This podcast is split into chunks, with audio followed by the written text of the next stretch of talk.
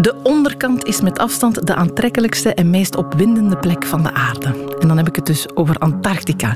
Je kan dan denken, dat is daar toch vooral ijs en sneeuw en daar lopen niet eens ijsberen rond. Klopt, maar daar lopen wel veel pinguïns rond. Heel veel pinguïns. Voorlopig toch nog. Pinguïns en de mensen, dat is het boek dat centraal staat in deze voorproevers. Ik, Annelies Moons, ben blij dat je luistert. Voorproevers. Pinguïneilanden, pinguïnprofessoren op pinguïnconferenties en pinguïnvrienden, maar ook pinguïnpaté. Dat zijn allemaal woorden die ik tegenkwam in het boek van deze aflevering. Met daarin ook één pinguïnjournalist met dus nu een boek Pinguïns en de Mensen. Marcel Hane, welkom. Ik voeg er eh, nog wat woorden aan toe. Uh, pinguïn-fan en pinguïn-expert. Uh, wat dat ben jij? Dat is jouw beroep. Pinguïn-correspondent of redacteur pinguïn bij het NRC Handelsblad. Ik heb al zoveel pinguïn gezet, gezegd dat ik erover val. dat is jouw job, hè? pinguïns berichten. Ja, niet het enige helaas, maar het, wel een belangrijk deel. Althans, ik ben in 1984 in dienst getreden bij NRC Handelsblad, Nederlandse Dagblad.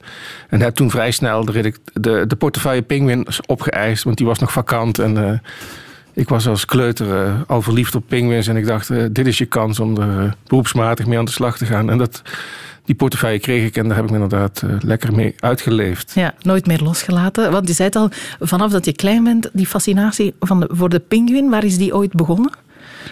Ja, ik, ik, kreeg die vraag heel vaak van hoe komt het dat jij zo jong al, al pinguïn verslaafd werd? En ik, ik, dacht wel dat ik het wist, maar je weet nooit zeker. Ik dacht dat het kwam omdat ik, ik had vroeger één tijdschrift. En ik, ik kom uit Nederlands Limburg en daar hadden we op de katholieke basisschool hadden we een tijdschrift, dat heette de Okkie onze kleine katholieke illustratie. En uh, dat ging veel over onze lieve Heer, maar het ging ook over zijn schepping en hoe wij daar als jonge mensen mee moesten omgaan. En ik kon, meende mij te herinneren dat de pinguïn regelmatig opduikt in, uh, in de okkie.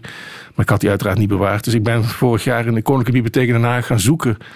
Daar hebben ze alle okkies sinds 1936. En, uh, en inderdaad, in de jaren waar het om gaat, voor mij dan in, in, in de jaren 60, duikt die pinguïn voortdurend op in de kolommen. En ik, ik vond dus een, een, een, een soort feature over de, de Penguin uit 1965 in de week van mijn vijfde verjaardag. En dat, daarin wordt de Penguin geïnterviewd. Hij loopt met een jongetje en een meisje. En die Penguin is, ik houd een monoloog. En die zegt: Wij zijn hele toffe dieren. We wonen verschrikkelijk ver van jullie verwijderd. Waar malse, vette vissen wonen. En waar het lekker koud is. En kom ons gerust bezoeken. Wij zijn dol op mensen. En mensen zijn dol op ons. Ja, en als, als kind kennelijk maakt het een enorme indruk op je. En ik dacht toen wel al: uh, ja, de kans dat jij als Hollands jongetje ooit in staat zult zijn om zo'n pinguïn te ontmoeten in het wild, is natuurlijk nul. Want het is 14.000 kilometer verwijderd van, van Heerlen en Maastricht. Dus dat, dat gaat het niet worden. Maar gelukkig, toch, gelukkig heb ik me vergist. Ja. Ja, ja, want je hebt al, al veel mogen bewonderen in het wild. Daar gaan we vandaag uh, zeker over praten. Maar ik wil misschien graag beginnen met de ondertitel uh, van je boek. Uh, Geschiedenis van een belaagde vogel. Ik moet zeggen, toen ik die las, uh, besefte ik uh, nog maar eens hoe naïef ik soms nog ben. Want ik dacht, belaagd, dat is toch niet iedereen houdt toch van die schattige pinguïns uh, die over malse vissen spreken. Maar nee, ze zijn, heb ik geleerd in jouw boek, ongelooflijk veel be belaagd. Om verschillende redenen. Laat ons misschien beginnen over het pinguïnvlees of pinguïn als eten. Want dat is eigenlijk de, het eerste contact met mensen en pinguïns. Dan was het van, laat mij jou eens lekker opeten. Ja, het is heel treurig. De eerste keer dat, althans voor zover wij weten, dat er melding wordt gemaakt van het bestaan van pinguïns. Dat zijn Portugezen die in 1497 via Zuid-Afrika naar India willen varen. En op eilandjes voor de kust een soort eenden zien zitten. Die, eh, die niet weglopen, die niet kunnen vliegen kennelijk. En die ze heel makkelijk dood kunnen slaan. En het eerste dat die Portugezen doen, is die pinguïn opeten. En alle andere ontdekkingsreizigers die sindsdien pinguïns gezien hebben, deden precies hetzelfde. En dat was ook wel een beetje te begrijpen, omdat ja, die mannen leefden op, op scheepsbeschuit en gedroogde fruit. En die waren blij met een pinguïn pinguïnkluifje. Dat, dat hielp ook nog tegen scheurbuik. Uh, het was een vitaminerijk dier. Of het erg lekker was, daarover zijn de meningen zeer verdeeld. Maar het eerste wat we deden met pinguïns toen ze zagen was dus opeten. Ja, ja en niet een paar om, om even verder te kunnen, maar dat gaat over duizenden en duizenden en ruimen vol dat, dat gewoon meenemen. Ja, elk proviantkastje in, in die schepen werd uh, gevuld met pinguïnvlees. Ja, het was soms ook heel onsmakelijk, want bijvoorbeeld als ze dan terug moesten naar, naar Europa, want hebben het hier over de Europeanen uiteraard. Als ze dan terug moesten dan bij het, bij het uh, ja, passeren van de Evenaar was het inmiddels zo warm geworden dat de wormen uit die pinguïns kropen. Maar nog moesten ze eten. Dus uh, nee, het was geen smakelijk, uh, geen smakelijk dubbel wat dat betreft. Nee. Later wel, dan verschijnen er ook recepten van hoe je pinguïns klaar kunt maken met dobet en uh, tomatensaus en zo. Maar, maar de meesten vinden het niet echt lekker. Nee, nee, nee. Ja, want je hebt ook kookboeken geconsulteerd met ondertitels als hoe zorg je dat een dikke ontdekkingsreiziger in topconditie blijft. Er is wel genoteerd over ja, wat ze er allemaal mee deden. De pinguïnpaté, zei ik daarnet. Dat, ja. dat gebeurde ook wel. Ja, Fransen waren heel goed met de patisserie van, van pinguïns. Maar uh, ja, nee, je moet ze, je, het, het, het, probleem bij het bereiden van pinguïns, begrijp ik, ik heb het nooit gelukkig gedaan, maar is dat je moet die dikke vetlaag die ze hebben, moet je verwijderen, anders maakt het echt heel vies. En dan moet je dat vlees wat je overhoudt, dat moet je eigenlijk een paar dagen te droog hangen in de buitenlucht. En dan liefst nog in de melk leggen, zodat de smaak een beetje verandert. En dan in rundervet bakken. Enfin, dat soort recepten zijn, zijn talrijk. Het viel me op, ik heb alle verslagen voor zover ik ze kon vinden van ontdekkingsreizigers geconsulteerd.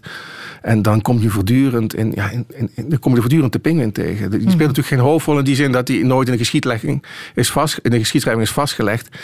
Maar voor mijn boek was het heel, interessant om te zien hoe ze met die pinguïn omgaan. Ze vonden hem allemaal schattig, ze vonden hem allemaal een heel lief dier. Maar toch vooral in de koekenpan, ja. Ja, en toch vooral om het scheurbuik uh, tegen te gaan. Je zei ook patisserie, de eieren, die werden ook uh, geraapt. Daar werd ook gebruik van gemaakt. Uh, maar je zei ook net die vetlaag van de, van de pinguïn, die heeft nog op een andere manier voor belaging gezorgd. ja, ik ga jou het laten uitleggen, want ik word al een beetje misselijk van het idee alleen al. Wat deden ze ermee? Ja, het was een, van de grootste misdaden. Ik wist überhaupt niet dat het ooit bestaan had. Kijk, uh, vanaf de 18e eeuw hebben wij eh, royaal op walvissen gejaagd. Omdat dat olie oplevert onder andere te smelten. Daarna, toen die op waren, die walvissen, zijn we begonnen aan het, ontvergrijpen aan zeeleeuwen of zeeolifanten. Maar ook die waren op een gegeven moment op. En er zijn een aantal eilanden waar de pinguïns zo rijk voorradig waren... dat het ook loonde om, om pinguïns te gaan verbranden. En het grootste misdaad wat dat betreft heeft aan een eiland heet Macquarie. Dat is een subantarctisch eiland tussen Nieuw-Zeeland en Antarctica.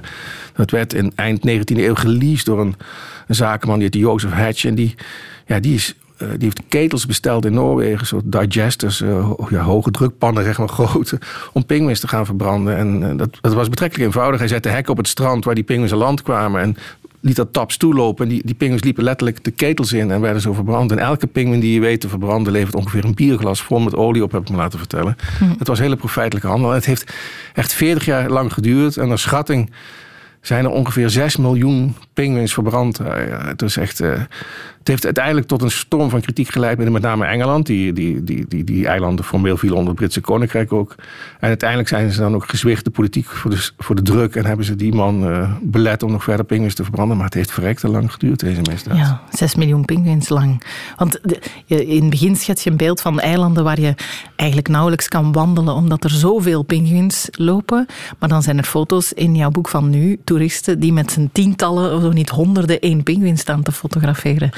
Ja, het meest tragische is dat, is dat te zien in, in, voor de kust van Afrika en Namibië. Daar heb je ongeveer 30 eilanden die zeg maar, als pinguïneilanden kunnen worden beschouwd. En tot, ja, tot begin vorige eeuw leefde daar inderdaad zoveel pinguïns dat, men, dat, dat reizigers niet aan land konden komen zonder op pinguïns te stappen. Dus dat, dat schiet niet op.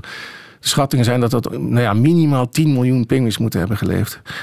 En om duidelijk te maken hoe erg het gaat en hoe erg die pinguïn dus wordt belaagd. Nu zijn er nog, het laatste cijfer, dat, van, dat is eh, dit jaar bekendgemaakt, nog 8000 broedparen van die 10 miljoen die er waren. En dat is in, in één eeuw zijn we dus in staat geweest om dat dier volledig in het ravijn te duwen. Dat gaat om mm. de Afrikaanse pinguïn. Ja. En dat is best een grote en bijzondere 70 centimeter grote pinguïn. Maar de Zuid-Afrikaanse regering gaat ervan uit dat die over tien jaar niet meer in het wild bestaat. Dat is echt ongelooflijk lomp. Ja, ja, ja. Als je dan hoort dat er één man verantwoordelijk is voor zes miljoen van een ander soort pinguïns, eh, dat is maar, maar een deel ervan. Want we hebben het nu gehad over als voedsel en die eieren, eh, die olie. Eh, maar zelfs hun uitwerpselen zijn of waren goud waard. Want ook die werden, werden belaagd op welke manier? Ja, en dat gebeurde dus ook voor de Afrikaanse kust en ook in Zuid-Amerika trouwens. Ja, die pinguïns uh, hebben eeuwenlang op dezelfde plek gewoond. Oh, miljoenen jaren trouwens. En dat betekent dat op die eilanden zich een laag van ja, gemiddeld tussen de 10 naar 20 meter poep, uh, pinguïnkak heeft gevormd. Ook nog eens aangevuld met haalschoven poep of, uh, nou ja, wat heb je, albatrossen, noem maar op, Jan Vergenten. En die poep is heel waardevol. En in de 19e eeuw werd dat ontdekt dat dat inderdaad handige handig goedje was om, om, om mee te gaan nemen. Dus die, vooral vanuit Engeland zijn honderden schepen vaak tegelijk naar die eilanden afgereisd om uh, met, met arbeiders die daar dan dag en nacht uh, poep stonden af te graven. En ja, dat was natuurlijk heel ruig. Ze noemden het witte goud, eh, zo waardevol was het. En voor die pinguïns was het rampzalig. Het, het is, er waren zelfs eilanden waar die pinguïns dan eraf werden geduwd. En dan er een muur omheen werd gebouwd, zodat die pinguïns niet meer terug konden komen. Zodat die keersrustig die, die kak konden afgraven. En uh, ja, de, de komkommers en tomaten in Engeland groeiden er goed van. Ja, wat, wat maakte het dan zo rampzalig voor die, die dieren? Natuurlijk, als er een muur staat, dat is één ding. Maar ja, nee, het, het, ja, nee, het, het, het, rampzalig voor die pinguïns is die pinguïns die die broeden in hun eigen kak. Een pinguïn loopt niet liever, niet, doet niets liever dan over zijn eigen poep lopen. Het is lekker warm. En, en met die rare vleugeltjes die hij niet kan gebruiken om te vliegen, graaft hij graag een holletje in, in, in zijn eigen kak. En daar legt hij dan de twee eieren die hij doorgaans legt. En dan kan hij mooi beschut opzitten. Maar als je al die poep afgraaft, dan betekent dat die pinguïn dat ei op de kale rots moet leggen, letterlijk. Ja, en dat, dat, dat, dan worden belaagd door andere vogels of het, ei waait gewoon in zee. En nu is het zo treurig gesteld in in Zuid-Afrika bijvoorbeeld, dat die pinguïns op die ook niet meer kunnen leven. Er zijn een aantal pinguïnbeschermers die bouwen nu huisjes voor pinguïns, zodat ze toch weer een soort, ja, soort hondenhokken voor pinguïns, ja, ze noemen het dat, penthouse voor pinguïns. Uh, en die, die, die functioneren inderdaad, maar die is geen gezicht. Dan zie je dus een eiland vol met, met steen. En dan staan dan af en toe van die, ja, een soort Phoenixwijk noemen we dat in Nederland voor pinguïns. En uh, met als gevolg dat die pinguïns nu wegtrekken van die eilanden en zich op het vasteland van Afrika proberen te gaan broeden. Maar dat is niet zonder risico's, omdat ze dan ja, kwetsbaar zijn voor luipaarden, wilde katten of honden. Dus dan moeten er weer stukken strand worden afgezet. En nou ja, fijn. op dit moment is de grootste kolonie Afrikaanse pinguïns gevestigd op het strand bij een dorpje. Dat heet Simonstown en het helemaal aan het uiteinde van Afrika. En dat is een enorme publiekstrekker. Maar als je daar rondloopt. Ik deed dat, toen ik daar was, eh, vorig jaar heb ik, heb ik een tijdje stage gelopen in een pinguïnziekenhuis in Kaapstad. En toen waarschuwde ze me. Ik vroeg aan mevrouw in het hotel van welk restaurant kan ik gaan eten. Ze zei ze nou dat en dat. Maar als je dan oplet, dan zie je pinguïns door de straten lopen. Ik dacht wat gek. Maar inderdaad, op de eerste hoek die ik moest passeren liep, kwamen net twee pinguïns terug van zee. En die, die stonden knuffelend eh, op de hoek van de straat eh, de hm. dag nog eens door te nemen. En gingen toen wandelen. En toen dacht ik nog, wat zielig dat die, uh, dat die mensen al die huizen hebben gebouwd in het broedgebied van die pinguïns. Maar nee, het is andersom. Die pinguïns hebben in precies zijn 1983 besloten, we gaan nu ergens anders wonen. We, we koloniseren het vasteland. En sindsdien zie je dus dit soort krankzinnige tafereelen. Ja, en ook, dat heeft ook gevolgen, want een zebrapad zullen, zullen die pinguïns nog niet kennen, denk ik. Maar het viel me wel op dat ze heel keurig recht oversteken met die spet, ja. spetterende voetjes. Maar inderdaad, ze worden regelmatig aangereden. En ja, ook dat is dan weer een, een, een noodgreep. Dus er is een, een sinds een jaar of zes een hypermodern pinguïnziekenhuis in Kaapstad. Met twee intensive care units en allerlei afdelingen om die pinguïns te rehabiliteren. Ieder jaar worden daar 1500 pinguïns verpleegd. Die hebben gebroken voet of eh, zijn aangereden, hebben grote wonden boven hun heup, worden gehecht, geopereerd. En dan weer uitgezet als ze hersteld zijn. En ook uh, eieren worden eruit geboet in het ziekenhuis van pinguïns die hun nest hebben verlaten, wat voor reden dan ook. Dat, dat, dat, dat is heel goed te doen technisch. Dus dan, dan hebben ze kuikentjes, die worden daar een tijdje gevoed en uiteindelijk zelf uitgezet door, uh, door die mensen van het ziekenhuis. Maar het is wel met kunst en vliegwerk om die pinguïn hmm. op de been te houden. En, uh, om die paar duizenden broedparen die er daar nog zijn, om, om die, uh, die in stand te houden momenteel. Ja. Ik zei daarnet al, het wordt belaagd. Uh, daar was ik niet helemaal mee van in het begin. Maar er zijn wel nog veel misvattingen over pinguïns die, die ontkracht worden in jouw boek. Bijvoorbeeld, als wij aan een pinguïn denken, dan denken wij aan een pinguïn in een sneeuwvlakte. Maar zeker niet alle pinguïns wonen in de sneeuw. Er zijn er ook andere. Ja, nee, de meerderheid woont uh, niet in de sneeuw. Dus er zijn 18 soorten pinguïns. En er zijn er vier die echt op Antarctica wonen. Dat is de allergrootste die iedereen kent uit de March of the Penguins. De, de Emperor Penguin, de keizerspinguin, de grote, 1,20 meter. Prachtig uh, uitgedorste, keurig in het pak gestoken, mooie kleuren uh, pinguïn. Die leeft op de ijs rond Antarctica. En daarnaast heb je er nog drie kleinere pinguïns, ook heel erg mooi. De eentje het kinman pinguin, de andere Adelie pinguin. En dan heb je nog de Gentoo of ezelpinguin. Maar daarnaast heb je veertien pinguïnsoorten die daaromheen leven. Maar ook zelfs tot vrij noordelijk. Ze wonen allemaal op het zuidelijke halfrond. Maar je hebt één pinguïn, dat is de Galapagos pinguïn. Die zwemt soms vanaf zijn eilandje waar die zit...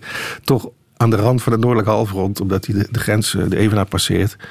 Maar ze wonen op allerlei plekken, ja. En het probleem van die pinguïns... en waarom ze ook eigenlijk zo makkelijk te belagen zijn... is natuurlijk bijvoorbeeld dat die vier pinguïnsoorten die op Antarctica wonen, die zijn van niemand, zeg maar. Ja, pinguïns hebben recht van bestaan op zichzelf. In juridische zin, die Afrikaanse pinguïn is in ieder geval nog de Afrikaanse regering die zich zorgen maakt over het behoud van dat dier. Maar de pinguïns van Antarctica, niemand heeft recht of soevereiniteit over Antarctica. Dus feitelijk kan er niemand wat schelen wat die pinguïns daar overkomt.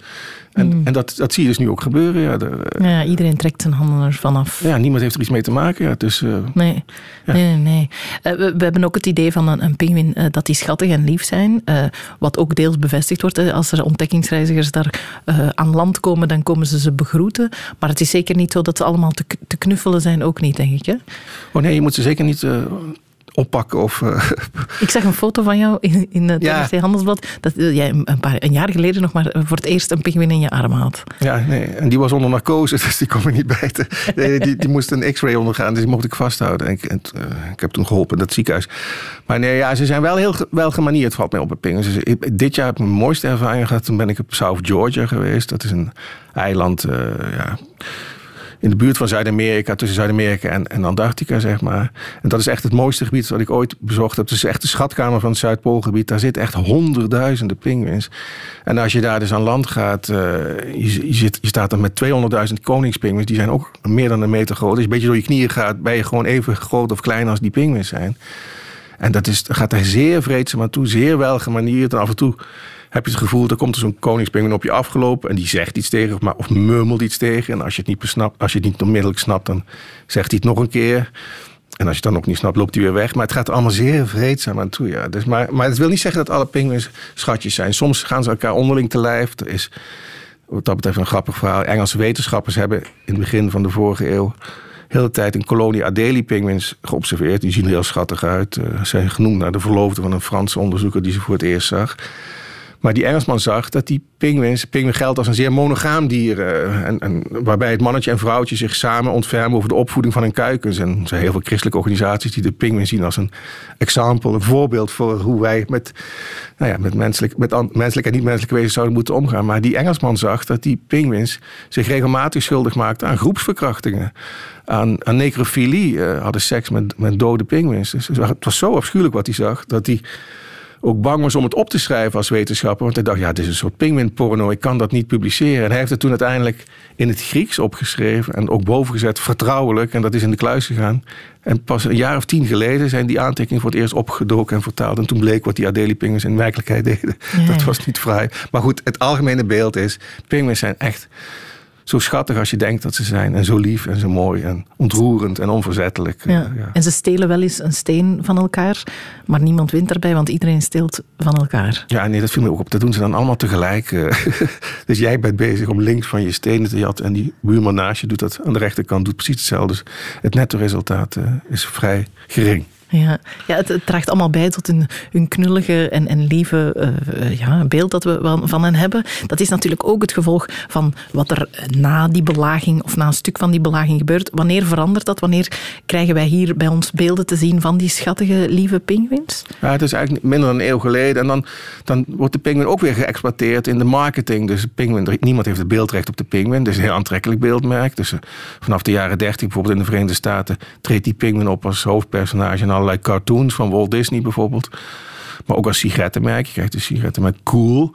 En daar staat dan Willy de Penguin op. Want dat zijn dan menthol sigaretten net zo cool als de, als de penguin.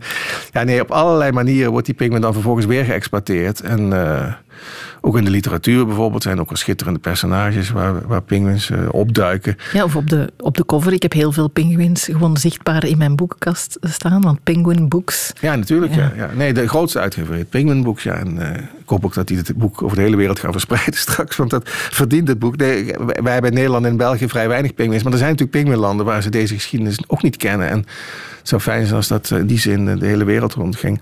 Maar goed, maar het, het meest belaagd nu en het grootste probleem voor de, voor de, voor de pinguïns is nu de visserij. ze hebben gewoon niet te eten genoeg meer, die pinguïns. Pinguïns sterven van de honger omdat onze, ja, onze vissers zo geraffineerd, efficiënt en op grote schaal overal vis vangen dat ze, dat ze omvallen. Mhm. Dus die Zuid-Afrikaanse pinguïns bijvoorbeeld, die spoelen aan nu op de kusten, totaal vermagerd, zonder vetlaag. Omdat alle sardientjes en anchovies die ze normaal eten, zijn verdwenen. Praktisch voorgoed zijn verdwenen, ja. Dus dat is de grootste ramp. En wat de vraag waar mensen aan kunnen, is het nog, zijn pinguïns nog te redden? En sommige soorten zijn niet meer te redden. Dus die keizerspinguïn, bijvoorbeeld die grootste pinguïn die op het ijs broedt van Antarctica die zakt letterlijk door het ijs. Omdat, het, omdat de temperatuur van het zeewater zo erg is gestegen dat het ijs smelt waarop hij zijn kuikens groot hmm. brengt. Hoewel het de, de pinguïn is waar we met z'n allen verliefd op werden een aantal jaar geleden. Want ze speelde de hoofdrol in de March of the Penguins. En we gaan eens naar een stukje luisteren hoe dat ook weer klonk. They have wings, but cannot fly. They're birds that think they're fish. And every year they embark on a nearly impossible journey to find a mate. For 20 days and 20 nights, the emperor penguin will march to a place so extreme it supports no other life.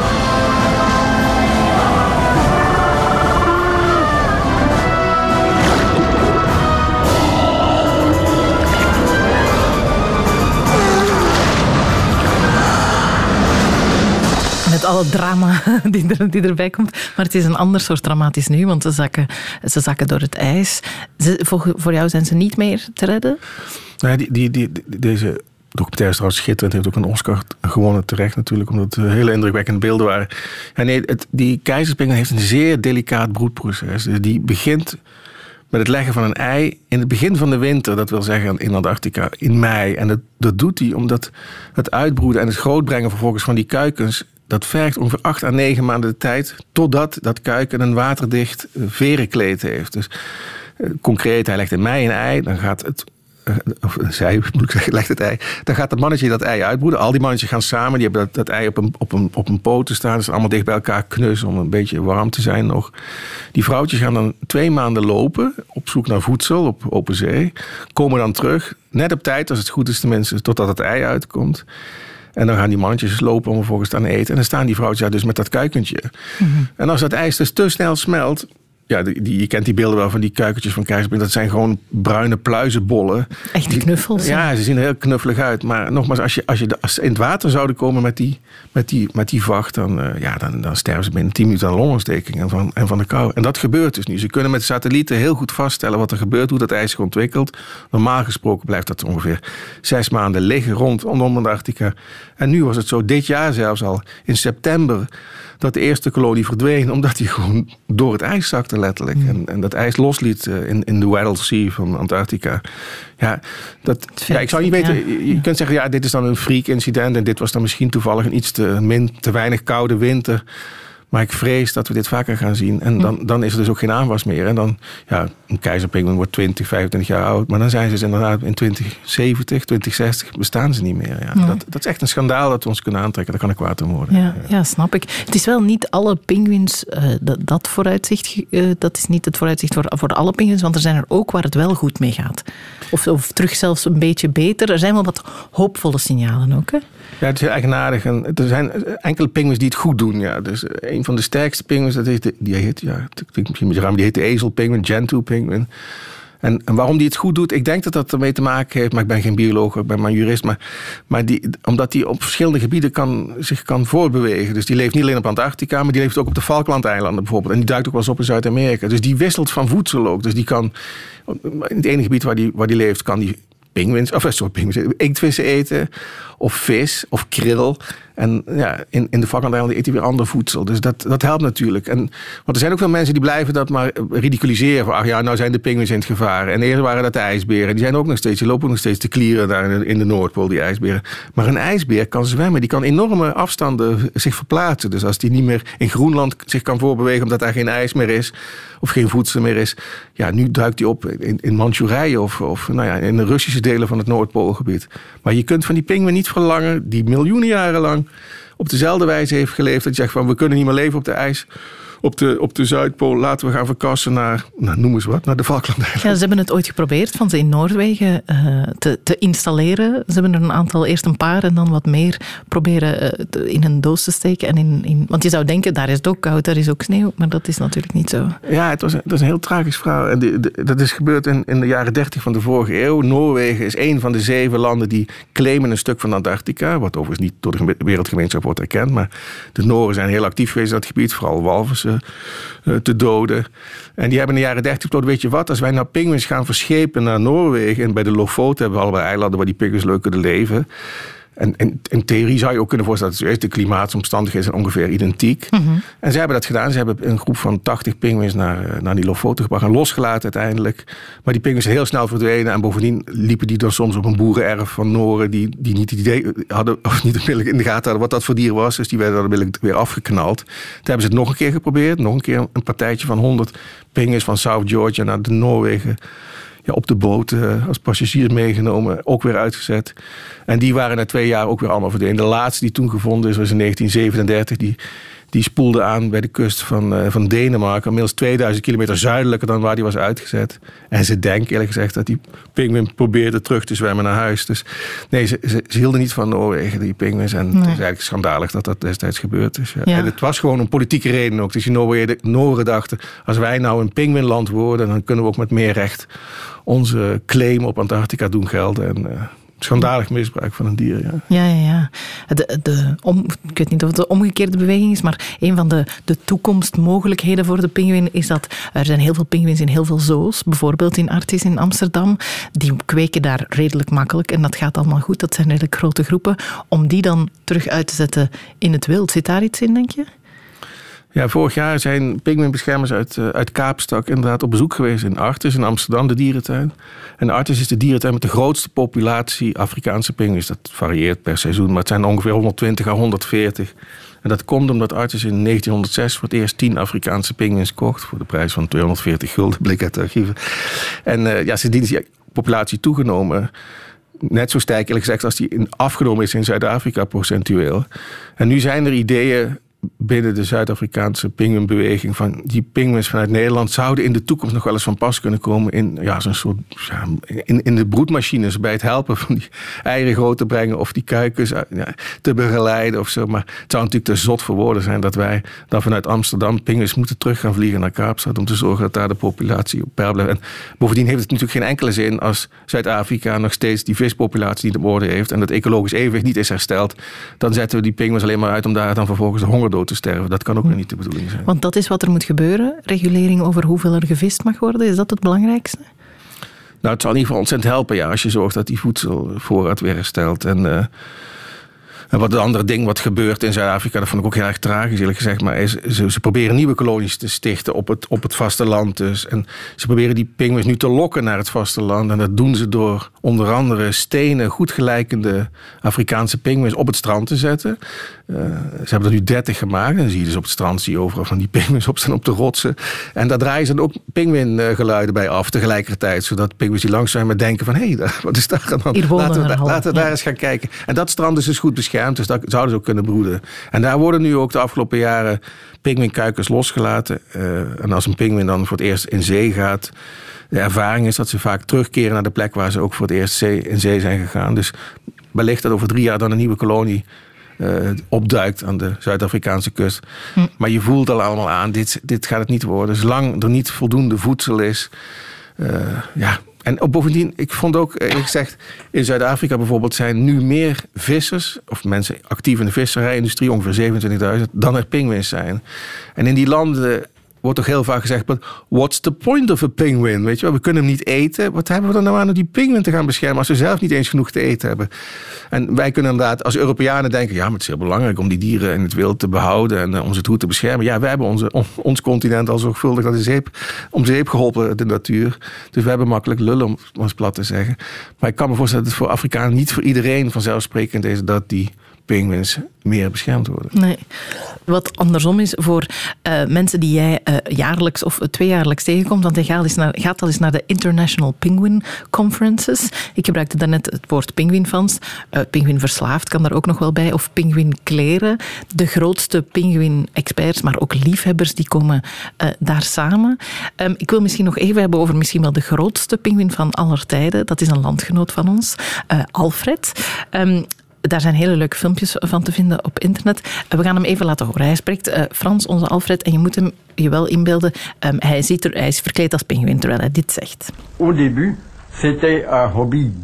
C'est devenu une collection. C'est devenu une passion. Mais pour le jour d'aujourd'hui, c'est devenu une, une obsession, quoi. Mais attention, quand je viens mourir, je suis pas mort pour tout le monde. Quand je viens mourir, euh, après vous allez visiter un zoo, que ce soit en Belgique, en Allemagne ou en Angleterre ou dans n'importe quel pays. Vous allez visiter les zoos, vous allez voir les pingouins, vous criez Alfred. Et s'il y a un pingouin qui vient vers vous, c'est moi alors. Als je Alfred roept in een of andere zoo bij de pinguïns en er komt er eentje naar jou, dan is het deze man die je tegenkomt. Je hebt hem ontmoet, hè, deze Alfred? Ja, ik heb hem in de jaren tachtig leren kennen. Alfred was een, eh, een, eh, een taxichauffeur die uh, aangesproken werd als pinguïn omdat hij nogal eigenaardig liep na een motorongeluk. En sindsdien was hij ook daadwerkelijk veranderd. Een waal die een pinguïn was geworden. En dat, was, dat is vrij zeldzaam. En het was een hele eigenaardige, eigenaardige man. Hij had een pinguïnmuseum, het enige ter wereld in Geer, provincie Luik. Later is hij verhuisd naar uh, hier vlak bij deze studio's. En ik heb hem vorig jaar nog opgezocht in uh, het verzorgingstehuis in Schaarbeek, waar die, uh, waar die lag. Waar die net zijn, zijn middagmaal kreeg toen van de verzorgster. Dat was vis. en hij is helaas een jaar geleden overleden, maar het was een, een markante man. Hij wilde, hij wilde begraven worden in een pinguïntombe. Dat is geloof ik niet gebeurd door zijn familie, maar nou ja, petje af. Hij, hij was de grootste pinguïnfan ter wereld. Ja, hij zal toch herinnerd blijven worden als Le Penguin, uh, zoals hij zichzelf ook uh, noemde. Hij staat ook in jouw boek, daar staat nog zoveel andere dingen in. Ook jouw ervaringen op Antarctica en met de pinguïns. En vooral een, een stevig pleidooi om ze te beschermen.